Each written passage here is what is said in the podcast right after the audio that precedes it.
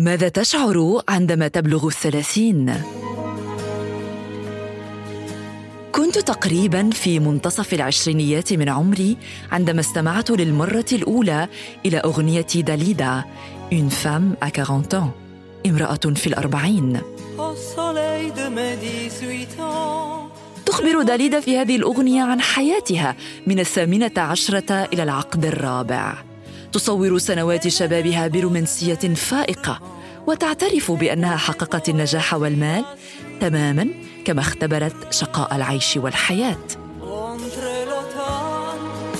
حين ذاك كانت تصيبني هذه الأغنية بشجن شديد بل أحيانا بيأس وإحباط حيث كان مفهوم سنوات الأربعين بالنسبة إلي يرادف ما يعرف ببداية النهاية.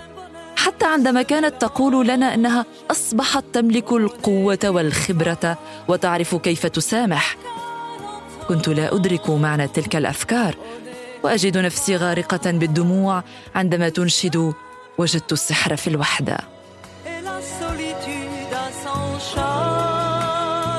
حقا هذه هي سنوات الأربعين. تكونين فيها امرأة بائسة لكنك متقبلة بؤسك وتجاعيد وجهك وتحاولين إخفاء الأبيض في شعرك. ولا ضير في أن تكوني وحيدة فأنت اكتفيت من صخب الحياة وتنشدين الآن الهدوء والراحة. ولا أخفيكم كان هنالك مشهد يقفز إلى مخيلتي فور سماع الأغنية. أغمضوا عيونكم الآن وتصوروا معي. هناك شرفة خشبية تقع على ضفاف بحيرة بين الجبال.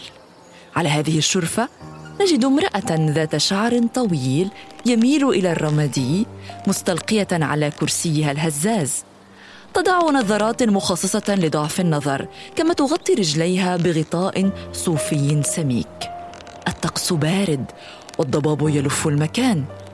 لكن هذه المرأة تبدو هادئة تستمتع بالسكينة وتحتسي كوب الشاي مستمعة إلى موسيقى كلاسيكية تعيد إليها ذكريات ماض جميل. أخبركم هذه التفاصيل اليوم وأنا أتحضر لأبلغ الخامسة والثلاثين من العمر خلال أيام. أحدث نفسي العشرينية ضاحكة. حقا لانا ما هذا الغباء؟ بعد خمس سنوات إذا ستصبحين أنت امرأة البحيرة. سيصيبك ضعف نظر وتكونين وحيدة إلا من ذكريات وحنين وكوب شاي.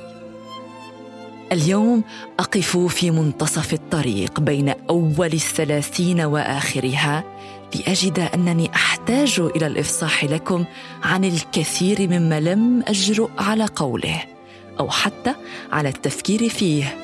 في عقدي المنصرمين. وقعت في الحب للمرة الأولى في سن التاسعة عشرة. تزوجت في الحادية والعشرين. أنجبت طفلي الأول في الثالثة والعشرين وطفلي الثاني بعد عام واحد فقط. انتهت مهمتي الأنثوية الشاقة هنا. أنجزت في سنوات ثلاث أكبر التغييرات التي تعيشها حياة المرأة. أصبحت زوجة وأما مرتين وأنا لم أبلغ بعد الخامسة والعشرين. قصة قصيرة جميلة لو أنني كنت أريدها. حقيقة لم أكن جاهزة لأتحمل مسؤولية روحين بريئتين وأهتم بهما. وجدت نفسي مضطرة للقبول بأمر واقع لا يمكن الرجوع معه إلى الوراء.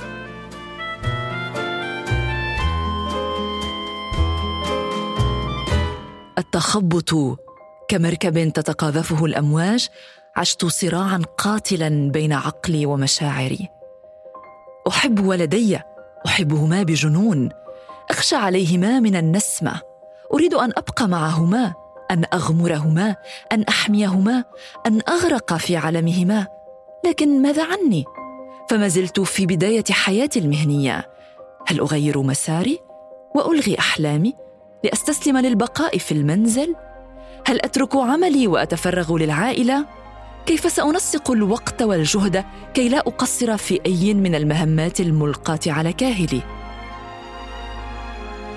لا تصدقوا اما عاملة ومجتهدة مهنيا تقول إنها تشعر بالرضا عن الساعات التي تخصصها لأولادها فهي تعقلن إحساسها السيء تجاه نفسها فحسب. لا يهم في أي عمر أصبحت اما. فهذا الشعور مشترك بيننا جميعا. لكن عندما تصبحين اما في مستهل عمرك المهني يتضاعف الشعور بالذنب. لذا أقفلت خلال السنوات العشرين كل منفذ للتفكير والعقل. عملت وفق غريزتي وحدها. غريزة الأمومة قادتني لأربي طفلي. وغريزة البقاء في معترك المهنة قادتني لأتطور وأتقدم وأنجح. أقفلت بقسوة كل منافذ التفكير بواقعي. ألغيت التواصل بين عقلي ومشاعري. لم أعد أسأل نفسي عما إذا كانت متعبة سعيدة راضية قلقة. كل هذا لم يكن يهم إلى أن أتتني صفعة هزت كياني. إلى أن حصل ما لم يكن في الحسبان.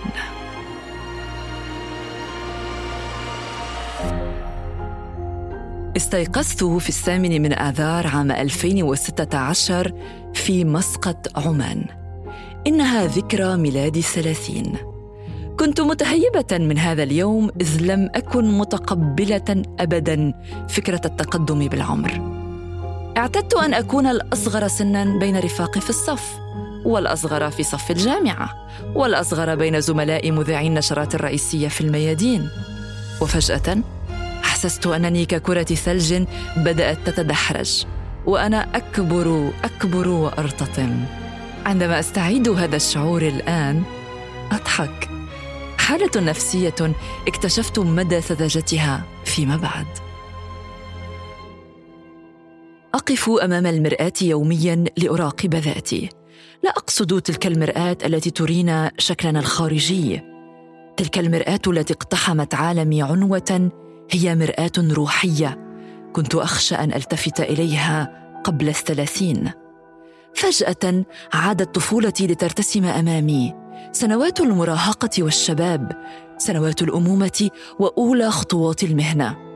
شريط من الذكريات استرجعته شريط ممزوج بالخيبات والتجارب المرة. آلمني. آلمني لدرجة أنني كرهت نفسي أحيانا. أشفقت عليها لمتها عاندتها ولم أشأ أن أسامحها. اقصى ما في تلك الجلسة مع الذات كان سؤالها من انت؟ هل انت سعيدة؟ عندما عدت إلى أعماقي كانت كمنزل غير مرتب. مكان مهمل لسنوات. مكان قديم يحتاج إلى إعادة تأهيل واهتمام. لأخرج من المناجاة قررت أن أعمل وفق منهجية وتخطيط. ولكن قبل أن أخبركم عن خطوات العملية يجب أن تعرفوا أن الوقت مهم جدا. الوقت المناسب. يأتي من دون استئذان. ليفهمنا كثيرا مما نجهله. لا يمكننا استباق هذه اللحظة المثالية. يمكننا ترقبها لكن تحديد مواعيدها يعود إلى الزمن إلى عوامل لا يمكنني تفسيرها. أعدت تقييم حياتي وفي اللحظة المناسبة اتخذت قرار التغيير. كيف أتت تلك الساعة؟ لا أدري. تستيقظ صباحا لتجد نفسك تخرج من اللاوعي إلى الوعي. وتقول منذ الآن لن أعود كما كنت في السابق. نقطة. انتهى. قسمت نواحي حياتي إلى أجزاء. العائلة المهنة الحياة الاجتماعية. حددت في كل جزء ما يسبب لي ازعاجا وفي المقابل ما يعطيني سعادة. قررت أن أستجيب لشعوري تجاه الأشياء. أن أسأل نفسي عما أحب أو أكره. مثلا هل أحب أن أربي أولادي بهذه الطريقة؟ هل أحب هذا التصرف في علاقتي بزوجي؟ هل أريد تقديم هذا البرنامج؟ هل أحب رفقة هؤلاء الأصدقاء؟ هل ما أقوم به يجعلني سعيدة؟ ساعدتني الإجابات لأبني عالمي من جديد. عالم يريحني ويمدني بالطاقة والرضا. لا أدعي بأنني وجدت إجابة عن كل الأسئلة فهذا غير منطقي. لكن تعلمت أن أبحث عنها أن أفهم ذاتي أن لا أحكم عليها بعين المجتمع بل أن أعاملها من منطلق ما عاشته واختبرته من منطلق حاجاتها. تعلمت بعد سن الثلاثين أن أحتضن غرابتي أن أروض شعوري بعدم الأمان أن أكون الصديقة التي أحتاجها. والأخت التي لم تولد. مرنت عقلي على أن ينظر إلى ذاتي من الأعلى. هذا التمرين بالمناسبة مفيد جدا. أتخيل أنني إنسانة أخرى أقف على تلة أراقب هذه المرأة التي هي في الواقع أنا. أراقبها من فوق بمشهد بانورامي. أفحص تصرفاتها محيطها ماضيها وحاضرها لأفهم مشاكلها وأقدم إليها حلولا لمأزقها. ماذا تشعر عندما تبلغ الثلاثين؟ أو الأصح ماذا تشعرين عندما تبلغين الثلاثين؟ بالقوة. العمر هو القوة والحكمة والنضج. التقدم في السن هو ببساطة التقدم بمضاعفة تلك الوزنات. سحر الوحدة القدرة على المسامحة واختمار التجربة في أغنية داليدا هي ما يؤلف سن الأربعين.